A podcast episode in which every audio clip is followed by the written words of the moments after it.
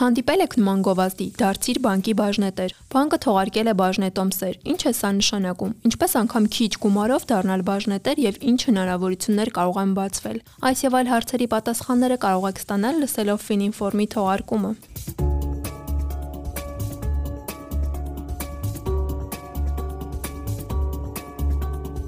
Բարև ձեզ Armen Press-ի սիրելի ունկնդիրներ։ Ձեզ հետ կրկին լրատվական գործակալության թղթակից Աննա Գրիգորյանն է։ Այս անգամ Fininform-ի շրջանակում զրուցել ենք կենտրոնական բանկի ֆինանսական համակարգի կարգավորման վարչության ԱԺ թղթերի շուկայի կարգավորման բաժնի պետ Վիգեն Շահնազարյանի հետ։ Պարոն Շահնազարյան, շնորհակալ եմ մեր հրավերն ընդունելու համար։ Ես եմ շնորհակալ։ Եվ այսպես ցանկացած քաղաքացի կարող է բանկից բաժնետոմս ձեռք բերել եւ դառնալ բաժնետեր։ Նվազագույնը եւ առավելագույնը որքան գումարով կարելի է բաժնետոմսեր գնել բանկերից։ Մինչ ձեր հարցին անդրադառնալը ցանկանում եմ մի բան շեշտել։ Կան տարբեր տիպի ընկերություններ բաժնետիրական, կարող են լինել փակ բաժնետիրական ընկերություններ եւ բազ բաժնետիրական ընկերություններ։ Փակ բաժնետիրական ընկերությունների դեպքում իրենց բաժնետոմսերի շրջանառությունը սահմանափակված է, բաժնետերերի թիվը սահմանափակ է եւ մարդիկ չեն կարող փակ բաժնետիրական ընկերության բաժնետոմսերը գնել եւ վաճառել շուկայում ազատորեն։ Բաց բաժնետիրական ընկերությունների դեպքում նրանց բաժնետոմսերը ենթակային ազատ առողջարքի եւ այս տեսանկյունից, երբ որ խոսում ենք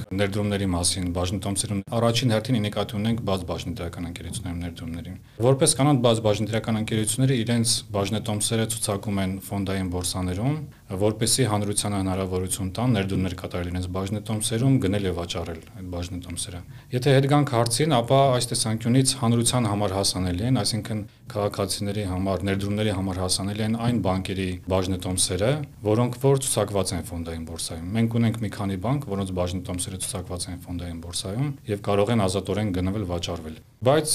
բորսայում ցուցակված լինելը դա չի նշանակում, որ ցանկացած պահին անձը կարող է ձեռք բերել, դրա համար պետք է որ նաեւ լինեն վաճառողներ։ Շատերս ենք լսել, որ ասում են այսինչ բանկը բաժնետոմսեր է թողարկել։ Հայաստանյան բոլոր բանկերն են տեղաբաշխում բաժնետոմսեր եւ ինչ հաճախականությամբ կարող են տեղաբաշխումն իրականացնել։ Եթե խոսում ենք հանրությանը հրաապարական առաջարկի ձևով տեղաբաշխելու մասին, ապա ոչ բոլոր բանկերն են այդպես տեղաբաշխում իրենց բաժնետոմսերը։ Ես արդեն նշեցի, որ մի քանի բանկ կան, որոնք որ հրաապարական առաջարկով են հանդես եկել, այսինքն հանրության առաջարկել են իրենց բաժնետոմսերը այն բանկերը, որոնք որ առաջարկում են հրաապարակայինորեն իրենց բաժնետոմսերը, տարբեր բարբերականությամբ են թողարկում։ Դրանցից կա բանկ, որը որ բարբերաբար տեղաբաշխումներ է անում, եւ կա բանկ, որ հազվադեպ է անում, դա կախված է բանկի որոշումից, կապիտալ ներգրավելու վերաբերյալ, այսպես ասած, որոշումից։ Իսկ ինչ ժամկետով են տեղաբաշխումն իրականացնում։ Բաժնետոմսերը որպես այդպեսին անժամկետ են, այսինքն երբ որ քաղաքացի ներդրում է կատարում բաժնետոմսերում,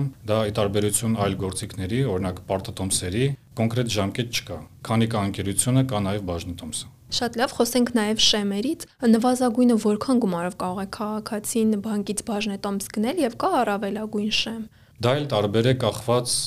ամեն թողարկող բանկից, տվյալ բանկի բաժնետոմսերի արժեքից, բայց նաև բանկը ինքը կարող է այդպիսի շեմեր սահմանել, կարող է եւ չսահմանել։ Այսինքն կարող է սահմանել, որ նվազագույնը ինչ որ ծավալի ներդրում պետք է լինի, կարող է սահմանել նաև յուրաքանչյուր անձի կողմից ձեռք բերվող բաժնետոմսերի առավելագույն չափ, դա կախված է յուրաքանչյուր բանկի առաջարկի պայմաններից։ Հայաստանում կարող ենք գոնե մոտավոր շրջանակ նշել նվազագույն շեմի Նվազագույն շեմ նշել չենք կարող, քանի որ դա ճիշտ չի լինի, որովհետև կան բաժնետոմսեր բանկի կողմից թողարկված, որոնք կարելի է մեկ հատով էլ ձեռք բերել։ Դա կախված է, ինչպես արդեն նշեցի, յուրաքանչյուր բանկի թողարկման պայմաններից, խոսքը հատկապես տեղաբաշխման մասին է։ Իսկ գումարի շեմ կարող եք նշել։ Օրինակ, եթե չեմ սխալվում, կան բաժնետոմսեր, որոնք կարելի է օրինակ 10000 դրամով կամ 15000 դրամով ձեռք բերել, մեկ բաժնետոմսի մասն է խոսքը։ Բայց բանկերի դեպքում մի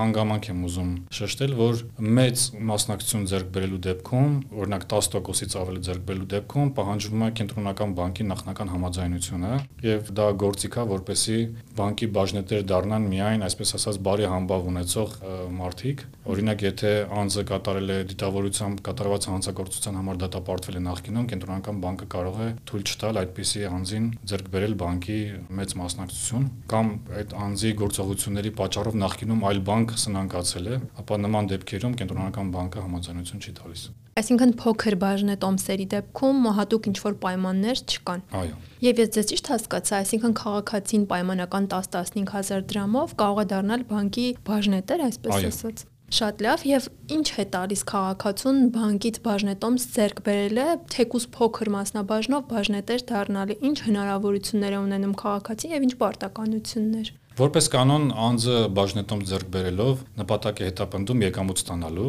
Եկամուտը կարող է լինել կապիտալի հավելաճի տեսքով, երբ որ ինքը ավելի բարձր գնով վաճառի շուկայում, կամ շահաբաժնի տեսքով, երբ որ ընկերության շահույթը բաշխվում է բաժնետերերի միջև դիվիդենդի շահաբաժնի տեսքով։ Այս առումով ըստ էության բաժնետիրոջ համար կարևոր է, որ հասկանալի լինի բանկի շահաբաժնային քաղաքականությունը եւ իսկ երկրորդային շուկայում վերավաճառելու համար էլ կարևոր է, որ լինի երկրորդային իրացվելի շուկա։ Ինչ Ինչ վերաբերվում է իրավունքներին, բանկի բաժնետերը իրավունք ունի, բացի շահույթ ստանալու իրավունքից, նաև իրավունք ունի մասնակցել տվյալ բանկի, թողարկող բանկի կառավարմանը, որը դրսևորվում է բաժնետերի ժողովում քվեարկելու ձևով։ Օրինակ, բաժնետերի ժողովում կարող է քննարկվել խորհրդի անդամների ընտրության, հաշվետվությունների հաստատման կամ ընկերության վերակազմակերպման եւ լուծարման հարցեր։ Բաժնետերը իրավունք ունի, ունի ձայնի իրավունք եւ կարող է այս առումով մասնակցել նաև ընկերության կառավարմանը։ Բոլորի հետ հավասար անկախ նրանից, թե ինչ չափաբաժին ունի։ Ոչ, իր մասնաբաժնին համապատասխան ձայների քանակով։ Այսինքն, եթե ինքը ունի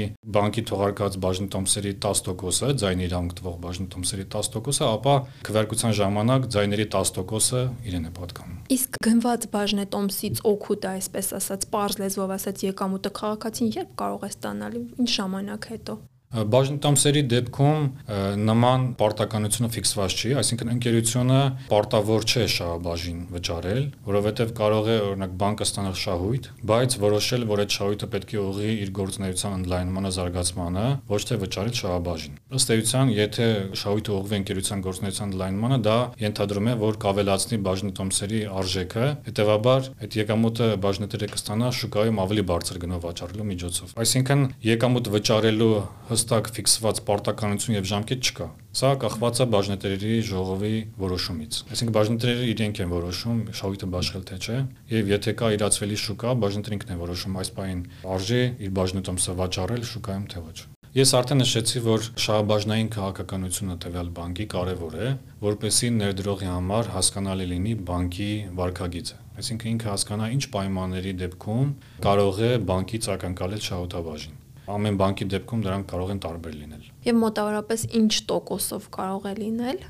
Դա էլ դարձյալ կախված է եւ բանկից եւ ստացված շահույթի չափից։ Այսինքն կարող է ստանալ քիչ շահույթ եւ դա բաշխել, կարող է ստանալ շատ շահույթ, չբաշխել, այլ վերաներդնել, քանի որ օրինակ բանկը արագ ընդլայնվում է, վերաներդնել բիզնեսի մեջ։ Այդ պատճառով դրանք բոլորը կախված են յուրաքանչյուր բանկի որոշումից այլ ինչ պարտականություններ կարող է ունենալ բանկը իր փոքր բաժնետիրոջ նկատմամբ։ Թողարկող ընկերությունը որպես կանոն պարտականությունները կապված են նրա կառավարմանը մասնակցության հետ։ Օրինակ, պարտավոր է ցանոթել ժողովների մասին, որպես այդպեսին նշեցի, որ եկամուտ վճարելու հստակ պարտականություն չունի։ Նաև բաժնետերը իրավունք ունի, օրինակ բանկի լուծարման դեպքում այդ մնացած գույքից մաս ստանալու, երբ որ բոլոր պարտատերերի պահանջները բավարարվում են, այդ մասը ստանալու։ Բաժնետիրոջ համար դա իրավունք է, բնականաբար մյուս կողմից պարտականություն։ Իսկ բանկի համար ինչ հնարավորություններ են բացվում, երբ օրինակ շատ քաղաքացիներ թեկուզ փոքր գումարով բաժնետոմսեր են ձեռք բերում իրենցից։ Բանկի դեպքում ինքը ներգրավում է կապիտալ, որի դիմաց պարտավորություն չունի իհարկե եկամուտ վճարելու, բայց երբ որ մենք նայում ենք չափի տեսանկյունից, յուրաքանչյուր անձ ձեռքի բերում փոքր-փոքր, բայց եթե ձեռք են բերում հազարավոր մարդիկ, բանկի համար դա մեծ կապիտալ է իր գործունեությունը ֆինանսավորելու համար, եւ ի տարբերություն օրինակ ավանների, որոնք ինքը միշտ պարտավոր է վերադարձնել ինչ որ հստակ սահմանված ժամկետներով, բաժնետոմսի դեպքում բաժնետերերը բաժնետոմ ձեռք բերելով մարդիկ սկսում են կիսել այդ բիզնեսի ռիսկը։ Այսինքն այս տեսանկյունից իրենք տարբեր գործիքներ են եւ բանկի համար կարա ինքը կարևոր ֆինանսավորման աղբյուր հանդիսանա։ Այսինքն բանկը այդ գումարները հանգիստ դնում է շրջանառության մեջ, դրանցով վարկ է տալիս։ Այո, այսինքն բանկի իր գործունեությունը տարբեր ձևով է ֆինանսավորում։ Մի դեպքում վերցնում է ավաններ, մի դեպքում թողարկում է պարտատոմս, որը ըստ էության էլի պարտքային գործիք է։ Մի դեպքում թողարկում է բաժնետոմս։ Այսինքն դրանք բոլորը իր գործունեությունը ֆինանսավորելու գործիքներ են եւ նույնպես այդ միջոցները ներդրվում են իր բանկային գործունեության մեջ։ Իսկ քաղաքացին, այսպես ասած, կարող է յետ վերցնել իր գումարը, որը վճարել էր բաժնետոմսի դիմաց։ Այսինքն հրաժարվել իր բաժնետոմսից։ Բաժնետոմս հետ գնելու պարտականություն որպես կանոն չունեն, թողարկողները, բանկը այլ ընկերություն լինի կապ չունի, բայց օրենքը նախատեսում է որոշ դեպքեր։ Օրինակ, եթե քննարկվում է տվյալ բաժնետոմսերի սեփականատերերի իրավունքները սահմանափակող հարց եւ բաժնետերը ժողովին քվեարկում է դեմ, ապա այդ դեպքում ինքը կարող է օրինակ պահանջել բաժնետոմսի հետ գնում, բայց մնացած դեպքերում որևէ պարտականություն չունի թողարկողը հետ գնելու իր բաժնետոմսերը։ Նմանատիպ հնարավորություն ընձեռում է ստեցան շուկան, այսինքն եթե բաժնետերը ցանկանում է ձերբազատվել իր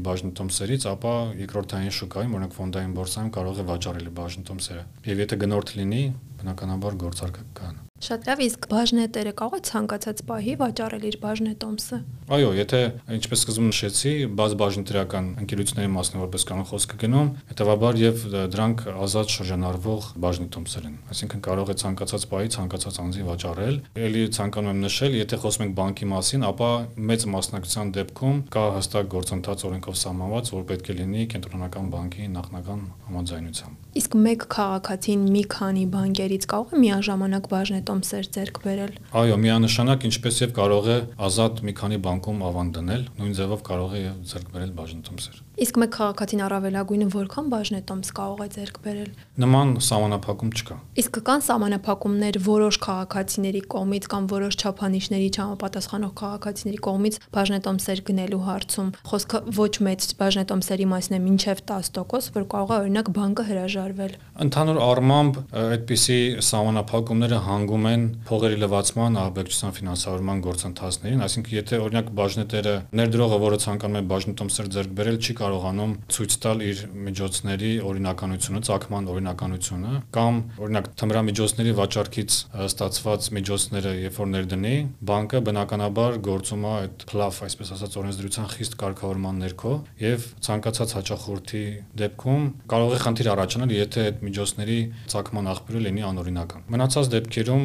որպես կանոն խոչընդոտ չպետք է լինի։ Եվ վերջում